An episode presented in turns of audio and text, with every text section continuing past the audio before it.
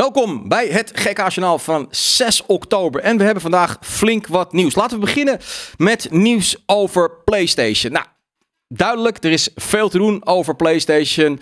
Of het nou de tekorten aan de PlayStation 5 zijn, de prijsverhogingen, uh, Horizon Zero Dawn wat opeens een remaster krijgt, terwijl de game al uh, ja, eigenlijk, eigenlijk nog maar 4, 5 jaar oud is. Dus heel veel negatieve publiciteit. En waar Xbox, de mensen van Xbox, best wel veel interviews geven de laatste tijd. Misschien zelfs soms te veel. Ze zijn overal te zien doen ze dat niet echt bij PlayStation. Ja, af en toe is er Jim Ryan, die geeft dan een of andere quote of een heel klein interviewtje. Meestal aan een zakelijke site en dan breekt meteen weer de pleuris uit omdat hij wat rare dingen zegt. Maar verder rest, die andere gezichten zie je eigenlijk uh, nooit. Tot um, volgens mij eergisteren toen Herman Hulst, de Nederlandse baas van Sony Worldwide Studios, een interview gaf aan onder andere Famitsu. En hij deed er nog één of twee met uh, wat grotere internationale pers.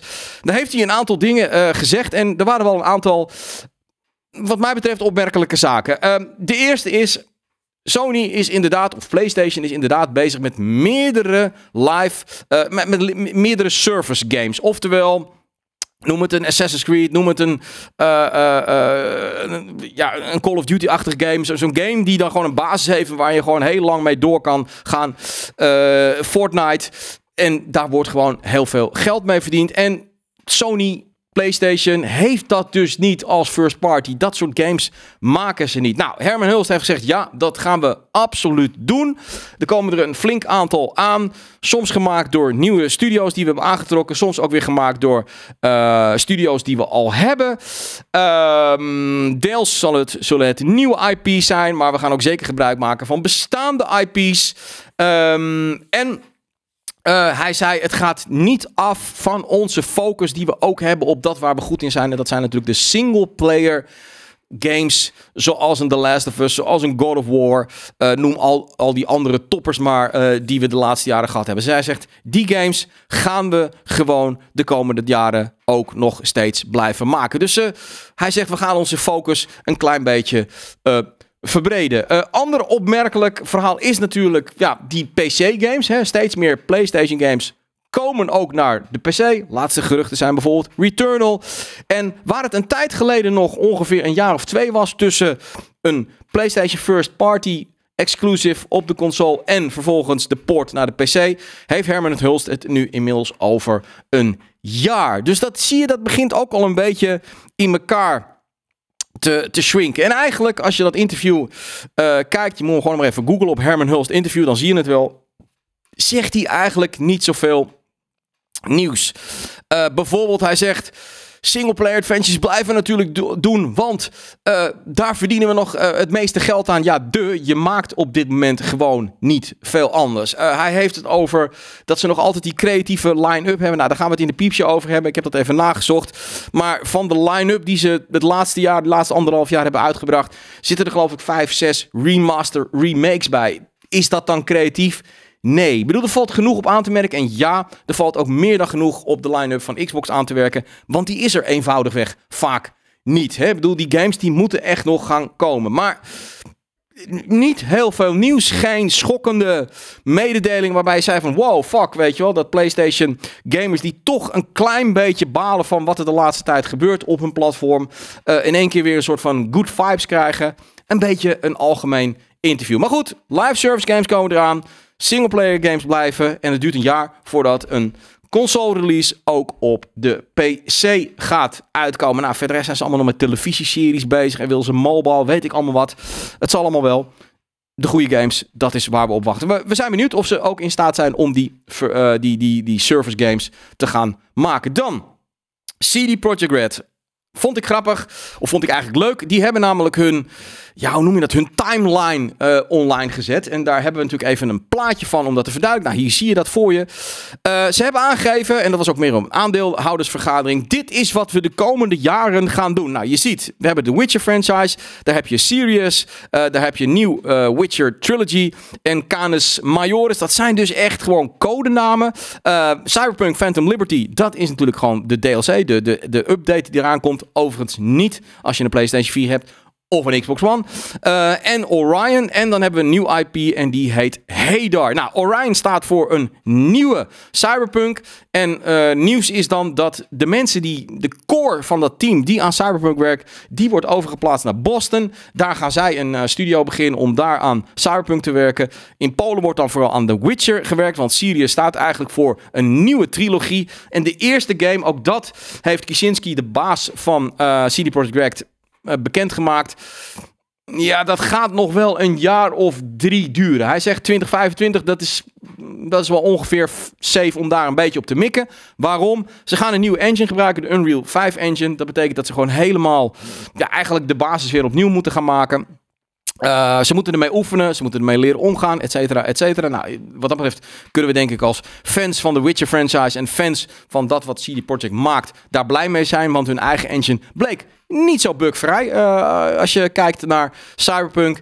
En hij zegt vervolgens ook uh, het, het, verschil tussen The Witcher 4 en The Witcher 5 bijvoorbeeld zal dan gewoon zal dan gewoon kleiner zijn. Want op een gegeven moment, als we, als we weten hoe die Unreal 5 engine werkt, dan kunnen we ook sneller games gaan maken. Maar 2025, als het om deze game gaat, dat wordt de eerste game, denk ik ook, die we gaan zien. Grote game van CD Projekt want ik denk dat Cyberpunk das daarna weer gaat komen. Dan um, Money. Money Talks. Daar gaan we het even over hebben. Uh, Far Cry. Weet je nog wel? Uh, volgens mij vorige week heb ik het erover gehad. De Far Cry 6 Game of the Year Edition.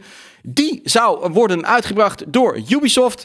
En um, ja, een beetje raar. Want hij is nergens Game of the Year. Hij zal zeker niet bij ons Game of the Year komen worden. Het is een leuke game. Ik heb hem met veel plezier gezien, maar niet opzienbarend. Het is gewoon Far Cry. Nou goed, wat gaat die uh, GOTY uh, kosten? Hou je vast, zit je er klaar voor? 120 euro. 120 euro ga je betalen voor de Far Cry 6 Game of the Year Edition. Of 60 euro als je Far Cry 6 al hebt. Wat ga je dan krijgen? Um, Even kijken, de nieuwe expansie, die heet Lost Between Worlds. Uh, all Season Pass content. Uh, ja, je kan die, die, die, je, je, kan, je kan die oude bad guys spelen, zoals Vaas, Pagan Min en Joseph, Joseph Seed in, in drie DLC-episodes. Uh, de Blood Dragon Classic Edition game zit erin. Um, de Ultimate Pack met de Jungle Expedition Pack, de Croc Hunter Pack en de Vice Pack. En alle gratis updates die er al waren. En daar betaal je dan hou je vast, 120 dollar voor. Ik vind het een bizarre prijs. Ik snap wel, het is meer dan de base game. Dus mm, whatever. Maar ik vind het toch raar um, dat je. Het is niet twee keer Far Cry. Bedoel, je krijgt zeker niet twee keer Far Cry qua grootte en omvang. En dan toch daar 120 dollar voor vragen. Ik weet het niet. Als ik even zag naar de eerste reacties, hadden heel veel mensen zoiets van: holy shit. Serieus? Um, en dat zijn niet de redacties, reacties waar je op zit te wachten. Maar goed, hey, als jij het ervoor wil betalen, moet je dat doen. Um, Half-Life Alex, een van de vetste VR-games die tot nu toe gemaakt is. Laten we er gewoon heel eerlijk over zijn. Uh, Half-Life Alex, kort nieuwtje. Die komt naar alle waarschijnlijkheid naar de PlayStation VR 2.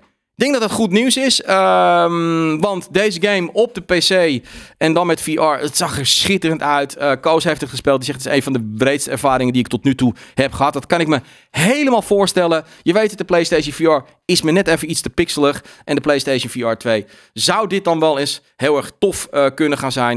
Um, ja, nee, gewoon leuk nieuws. Ik denk leuk nieuws voor de mensen die dan een PlayStation VR 2 willen gaan kopen. Moet je wel weer flink de poepelap trekken, want je hebt er een PlayStation 5 voor nodig. Dan moet je nog eens een keer uh, de goggles kopen. Je bent zo, en dan nog een keer een game. Je bent zo 1000 euro kwijt. En je weet het, geld is tegenwoordig een schaars goed geworden. Gaan we het hebben over een kort nieuwtje Need for Speed. Uh, die heet Need for Speed Unbound. Die komt. Als het goed is, als dit nu klaar is en het staat online, dan zou dat mogelijk aangekondigd worden. Maar ja, goed, zoals altijd lekt de hele boel dan weer. Het heet Need for Speed Unbound. Uh, eh, 2 december gaat het dan verschijnen. Uh, PC, PlayStation 5, Xbox Series X en S. En het heeft inderdaad een cartoony vibe. Het speelt zich af in Lakeshore City. Uh, dat is een fictieve, fictieve versie van Chicago. En um, ja, racen, rammen, beuken, boosts zien te vinden, et cetera, et cetera. Ja, ik, ik, het feit dat ze dit zo leed gewoon eventjes... Huppakee, het is nu oktober en dan zeggen... Hey, 2 december hebben we deze game. Geeft al aan dat ze het een beetje low profile houden. Ehm, vergelijk het niet met de oude Need for Speeds. Er zal ongetwijfeld een microtransactions uh, geurtje aanhangen. Maar ik ben heel benieuwd wat het gaat worden. Ik ben altijd wel geïnteresseerd in een nieuwe arcade race game. Maar goed, uh, vandaag ergens uh, s'avonds, 5, 6 uur, komt er ook echt een nieuwe trailer. En uh, ja, die bespreken we dan wel gewoon in einde van de week live. Dan de Dead for Space remake. Het ziet er fucking briljant uit. Laten we, laten we eerlijk zijn. Die game wil ik heel graag gaan spelen. Briljante game. Ziet er ook echt mooi uit als remake. Maar je moet er 80 euro voor gaan betalen. 80 euro voor deze game. Ja, ik vind het allemaal. Ik weet het wel, man. Alles wordt duurder in het leven. Maar het is entertainment, hè? En mensen gaan ergens bezuinigen. En dan vind ik 80 euro.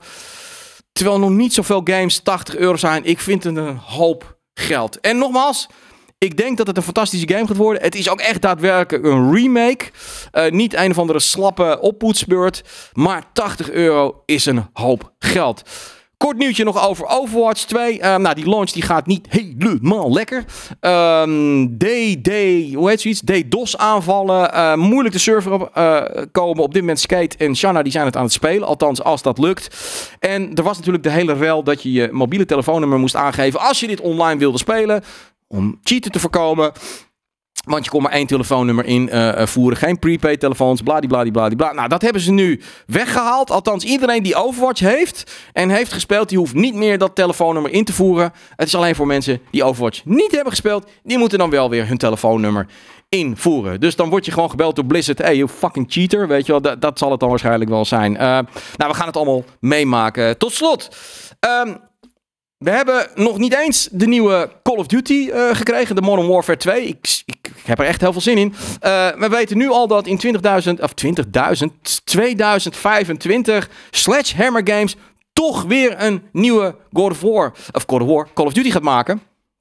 Uh, had ik niet helemaal verwacht, omdat de laatste game van Sledgehammer, en dat is Vanguard, die werd niet heel erg goed ontvangen. Um, en ze zeggen nu, hey, fuck die hele Tweede Wereldoorlog shit, dat gaan we niet meer doen. We gaan een opvolger maken voor het Advanced Warfare. Dus we gaan weer een beetje de future in. Ik hou me hard vast. Dus denk ik niet echt wat mensen willen. Maar goed, hey, het is nog een aantal jaren uh, uh, ver van ons. Laten we eerst maar kijken of de nieuwe Call of Duty en de nieuwe Warzone 2 een succes gaat worden over de nieuwe Call of Duty gesproken.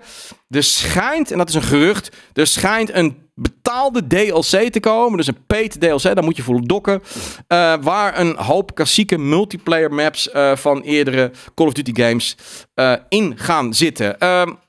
ja, Jesus, ik ga dat niet kut vinden. Ik snap ook wel, uh, als jij hele mooie dingen maakt in het verleden, dan mag je dat absoluut nog een keer gebruiken. Dan mag je daar ook zeker wel geld van gaan vragen. Maar dan moet het wel een lekker goed vol pakket zijn. Dus niet, kom niet met drie lullige mapjes aan. Doe er dan een stuk of twaalf in. Um, dan kan ik daar wel bij leven. En natuurlijk, hoeveel kost het? We gaan het allemaal meemaken. Uh, vanavond, half zeven, King Tier. Kom het kijken, de talkshow live bij ons op Twitch. Um, met een aantal hele toffe gasten. En volgende week hebben we natuurlijk gewoon weer een nieuwe editie van het GK Journaal.